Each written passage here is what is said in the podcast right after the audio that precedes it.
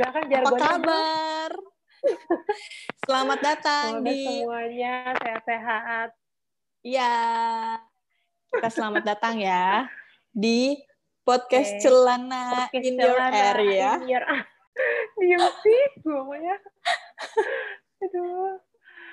Oke. Jadi teman-teman, Ya. Hai Dian. Saat ini konsepnya kita agak berbeda ya dibandingkan yang sebelum-sebelumnya. Jadi kita Kita sebelum- nggak ketemu langsung ya. Mm-mm, sebelumnya kan kita nih sekarang. betul, kita kan sebelumnya ketemu langsung. Gitu. Lagi ada di mana sih Hian virtual emangnya? karena Aduh, aku lagi ada di eh, tempat pengungsian nih, Tempat pengungsian sementara ya, pengungsian sementara. Berjuang. Ntar bakal cerita lebih lanjut eh, soal peristiwa di bulan Januari. Kalau Mm-mm. kata Eca, kaleidoskop di bulan Januari. Apalagi kan kita Betul. udah melewati satu bulan Tahun. full, bulan Januari pasti ada peristiwa-peristiwa yang di highlight, iya nggak sih, Cak? Betul, betul. Selama tahun 2021, eh, 2021 berlangsung itu kan baru bulan Januari aja, tapi yang ber yang apa ya, yang dihadapi tuh udah banyak banget gitu kan. Kayaknya udah berbeban berat banget nggak sih? Kalau gue ya. Iya, kayak kalau kata tahun 2020 tuh hmm, semoga ini segera berakhir. Eh, ternyata di tahun 2021 2020 part 2. Sebel banget. Sebel banget dengernya. Kalau lu apa, Cak? Di bulan Januari awal tahun ini? yang dialami ya. Pengalaman, kejadian, peristiwa. Entah itu dari dalam diri lu sendiri atau dari luar diri lu yang lu menyaksikan ah pembukaan tahun gini banget ya gitu. Apa yang menjadi Hmm. highlight? Kalau di tahun 2021 itu kan di awal-awal kita ada dihadapin sama yang namanya eh, kecelakaan pesawat tuh SJ182 Sriwijaya Air itu kan. Terus ada lagi eh, longsor, banjir, ya kan, yang terjadi di Indonesia lah. Terus juga ada ada apa lagi ya? Eh, gempa di Majene, ya kan? Apa sih Majene? Majene itulah. Terus Iya, eh, banjir Majene, di Kalimantan Mamuju. Selatan, ya di Majene Mamuju gitu kan. Eh, banjir di Kalimantan Selatan, terus eh, ya itu sih yang sejauh ini kan terjadi di tahun 2021 pembukaan bulan Januari gitu. Jadi kayaknya lagi Betul, betul. posisi rapuh, terapuh. Kayak pembukaannya gini banget ya. Iya, betul betul. Kayak openingnya mm, kayak bercanda banget gitu, kayak ngagetin ya openingnya. Tapi kan kalau misalnya dari sisi kalau dari sisi gue kan sebagai eh, karyawan kantoran mungkin apa ya nggak terlalu ya itu kan mungkin terjadinya di luar yang nggak terlalu berdampak lah gitu dalam kehidupan pekerjaan. Kalau lu nih, lu kan karyawan peristiwa. Aduh, iya nih karyawan peristiwa, sebel banget. Iya sih, itu juga peristiwa-peristiwa awal tahun ini memang apa ya berpengaruh langsung ke gue gitu berdampak langsung. Hmm. Kebetulan kemarin dapat tugas juga waktu apa namanya peristiwa jatuhnya SJ 182 Mm-mm, Sriwijaya mm-mm, mm-mm. SJ 182. Meskipun gue nggak nggak ditugasin liputan ke lokasi perairannya ya, perairan jatuhnya pesawat ataupun di Tanjung Priuknya. Mm-mm. Tapi gue ditugasin di tempat RS Polri sama di bandaranya, pokoknya di bagian Mm-mm, eh, keluarga lah. mm-mm. Apa yang lu bisa ceritain Bul di sana ikut Bul? ikut terlibat juga sih. Gimana ya Bul? Mungkin karena nggak ada di tanda kutip TKP, ya Mm-mm. ya gue sebenarnya liputan biasa aja sih. Maksudnya lebih ke gimana em, menyampaikan apa ya, mengupdate kepada keluarga prosedur yang harus dilakukan oleh keluarga. Misalnya kayak mereka harus melakukan pelaporan, terus Hmm. em, kayak nyerahin data-data antemortem, gitu-gitu sih mengawal itu. Terus kayak Hmm. menyampaikan sudah sejauh mana atau sudah berapa banyak uh, korban yang berhasil diidentifikasi sama pihak DVI. Hmm, Maksudnya hmm. bagian-bagian itu sih yang yang hmm. gue bisa uh, sampaikan kepada pihak keluarga kan. Hmm. Jadi tapi ketemu langsung gak sih bu? Pihak keluarga ketemu, ketemu. Cuma hmm. kalau gue hmm. pribadi meminimalisir mewawancarai mereka gitu loh. Hmm, Jadi hmm, paling out of the topic aja, misal oh kok out of the topic bukan masih off the record. Gue hmm, kayak ngobrol, jadi lebih benar. Uh, jadi semenjak gue jadi wartawan kan udah beberapa hmm, dua kali sih gue apa ngalamin peristiwa jatuh pesawat dulu yang waktu itu kan Lion Air kan itu sih kalau dari keluarga ya? karena kita menjaga menjaga hmm. ya menjaga perasaan dan empati jadi menurut gue bagian kita ya menyampaikan apa yang dibutuhkan informasi uh, keluarga gitu dibandingkan kita ngorek-ngorek dari sisi keluarganya sih. Oh oke. Okay. Jadi yeah, yang yeah, bisa yeah. waktu tahun 2018 kadang-kadang waktu kita dapat peristiwa tuh kan kita semangat gitu ya pengennya mm, mm. Uh, jadi orang pertama yang tahu informasi, jadi orang pertama yang melaporkan. Tapi kadang-kadang kita lupa gitu loh. Uh, kalau ini tuh melibatkan manusia gitu. Jadi kita yeah, harus yeah. sebenarnya harus memikirkan uh, sisi sisi kemanusiaannya dibandingkan sisi peristiwanya. Betul, itu betul. sih maksud gue hmm, pengalaman liputan peristiwa yang kecelakaan atau bencana hmm. itu tuh harus mengedepankan sisi kemanusiaan dan juga yeah. apalagi pihak keluarga sih. Hmm, pasti kita sebagai orang atau sebagai wartawan pengen banget nih mengorek informasi, pengen yeah, banget yeah, yeah. apa ya ada nafsu, ada kutip, tapi itu kadang-kadang bikin kita jadi lupa bagian-bagian yang jangan-jangan bisa melukai yeah. perasaan mereka ya. Mm. Malah jadi jadi berita kita malah bumerang buat buat keluarga mm yang lagi terluka. Itu sih itu gue mm, salah satu apa terlibat di mm. liputan itu. Terus kebetulan juga pas peristiwa gempa yang di Majene Mamuju, itu gue diberangkatin dari kantor untuk liputan ke sana juga waktu itu. Jadi kan kalau dari gempanya tuh tanggal 15. Kenapa? Uh, sorry, kalau dari uh, kantor ada yang berangkat ke, maksudnya dari, lo kan dari Jakarta tuh, ada yang berangkat juga nggak ke Kalimantan Selatan? Hmm, jadi kalau tim Jakarta tuh nggak ngeberangkatin ke Kalimantan sih, Bu. Jadi hmm. cuma berangkatin ke Majene sama Muju karena Mm-mm. prediksinya khawatirnya itu besar banget Majene Mamuju kan. Mm-mm. Dan peristiwanya kayaknya duluan ya? Majene Mamuju deh, makanya betul. Mm. Makanya yang Jakarta kirim timnya ke, ke Sulawesi. Jadi Kalimantan tetap ada oh, tim okay. cuma biro biro sana, biro Kalimantan. Hmm. Terus terus Bu, gimana perjalanan ke Mamuju, Majene? Berapa orang berangkat dari Jakarta? uh, kita dua tim, kita dua hmm. tim, tapi yang berangkat lima orang. Cuma kita dua tim ini berangkatnya terpisah. Jadi sebenarnya pas peristiwa gempa itu kan tanggal 15 Januari ya, Bul. Mm-hmm. Subuh. Nah, gue tuh pagi-pagi mm. jam 8 udah ditelepon suruh siap-siap berangkat ke Mamuju jam 8 pagi. Mm. Dengan mm. Uh, prosedur harus antigen dulu dan lain sebagainya. Mm. Mm. Setelah antigen terus hasilnya negatif, ternyata nggak dapet tiket pesawat hari itu jadi udah habis semua untuk hari itu nggak hmm. ada tiket pesawat hmm. jadi gue akhirnya berangkatnya tanggal 16 pagi hmm. Hmm, pagi lah pokoknya nah setelah gue udah beli tiket kita baru dapat kabar kalau ternyata TNI angkatan udara itu berangkat pakai helikopter hmm. hmm, hmm.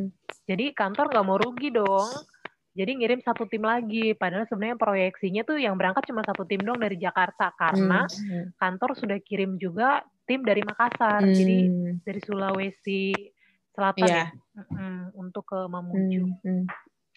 Hmm. Jadi kita dua tim cuma berangkatnya beda. Aku pakai apa namanya pesawat biasa, komersil, -hmm. yang tim uh, uh, yang kedua pakai sama TNI hmm. Angkatan Udara. Nah, cuma dari awal tuh kan perjuangannya udah berat banget karena gue kan pesawat pagi tuh ya jam gue lupa deh apa jam 7 apa jam 8 pokoknya intinya gue setengah lima subuh hmm. tuh udah jalan dari kantor terus hmm.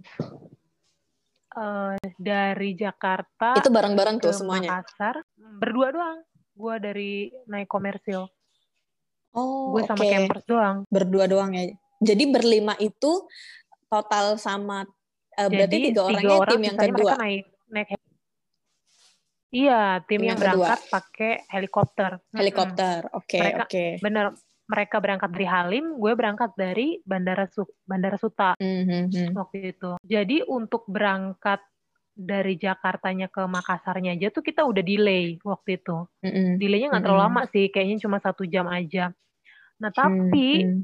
gue di Makassarnya itu, sorry gue kok jadi lupa ya, gue nyampe jam berapa di Makassar itu delaynya sampai sore banget gitu loh Bul, Mhm. sampai lebih sampai lebih lima jam kita nunggu di Hmm. Makassar untuk nyambung ke eh, Bandara Mamuju. Mhm, Jadi gue em, dari Makassar tuh kalau nggak salah jam 5 sore, baru nyampe Mamuju tuh jam 6 sore waktu itu. Hmm. Pokoknya kita lama di Makassar sampai 5 jam lebih deh. Nyampe Hmm. Mamuju.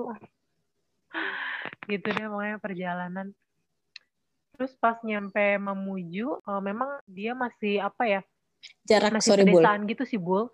Ya, jarak dari eh, bandara ke lokasi itu berapa lama? Dari bandara, gue kan harus nyari nih lokasi titik-titik kerusakan. Mhm. Untungnya sih kita pas rental mobil, drivernya tuh emang orang situ. Jadi dia bisa nunjukin Mhm, Hmm, Hmm. gue kayak saat nggak nyampe dua jam sih untuk nyampe di Hmm. titik lokasi yang gue mau live report di sana, yang gue mau laporan Hmm. pertama kali setelah gue nyampe. Jadi kayak lumayan sih hampir dua jam waktu Hmm. itu di Mamuju. Mhm, mhm. Ternyata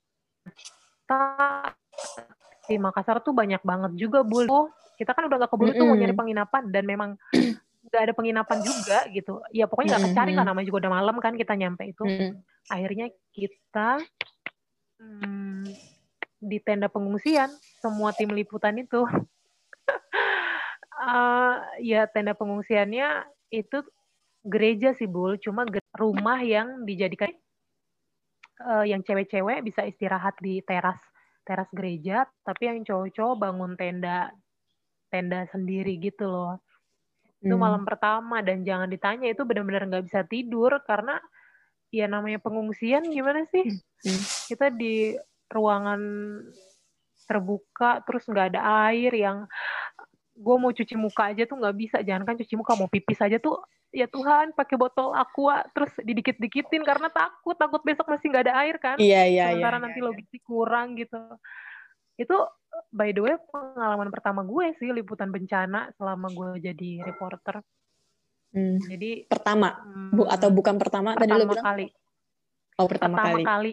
untuk bencana ya bencana di luar kota pertama kalinya Hmm. gue dikirim Hmm. jadi itu pengalaman yang yang begitulah pokoknya dan gak ada air itu bener-bener ya Tuhan nggak bisa udah mana lu tahu kusut banget dari subuh mau cuci muka nggak bisa ya udah deh air dihemat-hemat buat pipis aja jadi bener-bener nggak cuci muka Hmm, hmm. sementara pagi-pagi lu udah harus live subuh kan jam 5 Hmm, pagi hmm, hmm. jadi Hmm. itulah gue baru bisa cuci muka tuh pas pagi subuh itu dan gak mandi bul satu harian itu dua hari lah dari nyampe hari pertama sama besoknya. Pas udah siang baru kita cari-cari penginapan. Itu pun eh, sebenarnya udah dapet cuma kayak cuma ada satu kamar doang gitu loh bul sementara kan kita lima orang. Hmm, hmm, hmm, hmm. jadi kayak ya udah dapet tapi cuma satu gitu loh. Jadi malam itu tuh kita belum tidur Belum di situ. lah ya. baru pas Heeh, terus pas besoknya baru kita berembuk ya udahlah mau gimana lagi cuma ada satu ya udah tidur Rame-rame lah ya jadinya. cewek cowok campur udah itu sih pengalaman gue tidur di tenda pengungsian terus bener-bener ngelihat bangunan-bangunan tuh roboh Hmm, hmm. Parah banget ya di sana ya kondisinya ya. Iya parah lah untuk gue yang pertama baru pertama kali melihat ini ya Hmm, dampak hmm, hmm, gempa hmm. gitu. Jadi gue di sana lima hari bul. Jadi gue empat hari Hmm. di Mamuju, satu hari gue ke Majene. Sebenarnya kondisinya Hmm. tuh lebih memprihatinkan di Majene sih, karena di sana tuh Hmm. aksesnya lebih susah daripada Mamuju. Jadi ibaratnya kalau Mamuju tuh udah kota banget. Nah kalau Hmm. Majene itu eh, apa namanya Oke. lebih Emang nggak tuh- terjamah sama pemerintah sih di Majene. Iya, gue kan sempet apa beberapa kali kan kayak eh, pengen ngeliat lu kan live report gimana? gitu kan di TV kok nggak kayak gak ketemu ketemu nggak kelihatan gitu. ya? Iya iya iya benar-benar. Iya, terus karena masih masih kayak susah lah aksesnya masih lumayan pelosok dia makanya masih sering longsor di sana di Majene. Oh. Kita timnya kan di sana banyak tuh bul. Iya betul betul jadinya eh, komandan lapangannya tuh bikin shift. Jadi gue tuh selalu yang pagi Hmm, kebagian tugas hmm. pagi. Jadi gue selalu yang subuh subuh itu bul. Kompas pagi sapa pagi sama kompas siang. Setelah itu gue nggak muncul lagi kalau udah sore sampai malam gantian shift yang kedua Hmm. Iya, soalnya Jadi kan iya, banyak kayak yang bilang sih kan kayak pengen abis pulang kerja gitu kan ngelihat berita, tapi kok masih dan dan gue menyadari gitu banyak banget emang orang maksudnya dari Iya, iya, tim iya. pastinya itu dari tim sana gitu karena kan Mm-mm. ada beberapa yang kayak misalnya ngewawancarain eh, para korban gitu kan eh, kayaknya kok lugas banget gitu pakai bahasa Sulawesinya Bahasa gitu sana kan ya. Iya, terus kayaknya ini mah orang Sulawesi deh kayaknya gitu kan. emang, Kayaknya ini emang. mah bukan timnya Dian gitu. Emang iya cuy, ternyata banyak banget timnya. Dan Hmm. sebenarnya bukannya kita niat apa-apa, tapi dikira bencana itu akan besar kayak Palu gitu loh, Bul. Makanya memang kantor siapinnya tuh timnya ekstra. Tapi ternyata mm-mm. ya bersyukur nggak sebesar yang diperkirakan. Mm-mm. Karena kan BMKG memang kan sempat Mm-mm. mm, mengeluarkan dugaan, ah bukan dugaan, sorry, perkiraan-perkiraan kan, prediksi-prediksi. Kan ada Mm-mm. susulan yang lebih besar dan lain sebagainya. Hmm. Itu sih. Tapi so far setelah lu pulang dari sana ke sini kondisi keadaan di sana gimana, Bul? Gue tuh pulang yang kayak tadi gue bilang kan gue cuma lima hari di sana. Mm-mm. Jadi pas gue pulang ya em, masih masih sering gempa susulan. Terus Oke. para pengungsi juga masih masih mengungsi. Jadi memang kondisinya belum belum dinyatakan kan itu bencananya sempat dinyatakan bencana nasional kan. Nah status itu tuh belum ditarik. Pas gue balik tuh status itu belum ditarik. Nah sebenarnya pas gue balik Hmm. itu bul, jujur sebagai manusia yang tidak ada puasnya ini, gue tuh sempat kayak merasa, hah pulang kenapa gitu. Nah ternyata kayak lu bilang tadi kan kita peristiwanya beruntun nih, nggak cuma betul betul. Nah gue pas hari terakhir itu ditelepon sama kantor, kalau kantor punya uh, proyeksi untuk ngegeser tim gue, gue sama campers gue tuh untuk ke Kalimantan Selatan, karena kan ternyata banjirnya juga cukup Oh. besar kan di sana. Makanya dari dari Mamuju, padahal hari itu kan kita baru digeser ke Majene tuh. Jadi gue baru mau Mm-mm. nyari tempat uh, penginapan bul di Majene. Hmm, hmm, hmm, Sumpah hmm. Mamuju ke Majene itu tiga jam lebih dan pas Hmm. kita ditambah kejebak-kejebak longsor tuh kita empat jam lebih lah perjalanan dari Mamuju ke Majene. Pas kita udah Hmm. nyampe Majene, tiba-tiba kita ditelepon suruh balik lagi ke Mamuju karena katanya kita mau dikirim ke Kalimantan Selatan karena bandaranya itu cuma ada di Ma- Mamuju, di Majene tuh nggak ada bandara. Jadi Oke. rencananya mau berangkat dari Bandara Mamuju ke Kalimantan. Ternyata udah kita sampai di Mamuju terus udah swab antigen, ternyata kantor memutuskan ya udah deh nggak usah ke Kalimantan, langsung pulang aja ke Jakarta.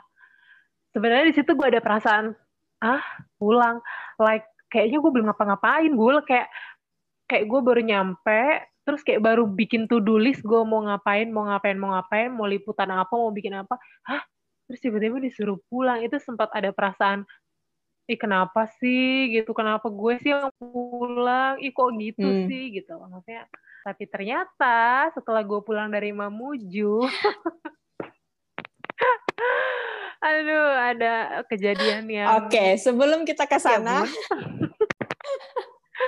Gimana, sebelum gimana? kita lanjut, ini kayaknya kita bakal bisa jadi part 2 nih. kita kita selesaikan dulu ya perbincangan kita kali ini ya. Oke. Okay. Kita masih akan terus berlanjut di part 2, teman-teman ditunggu ya. Oke. Okay. Kita lanjut Dadah. lagi nanti.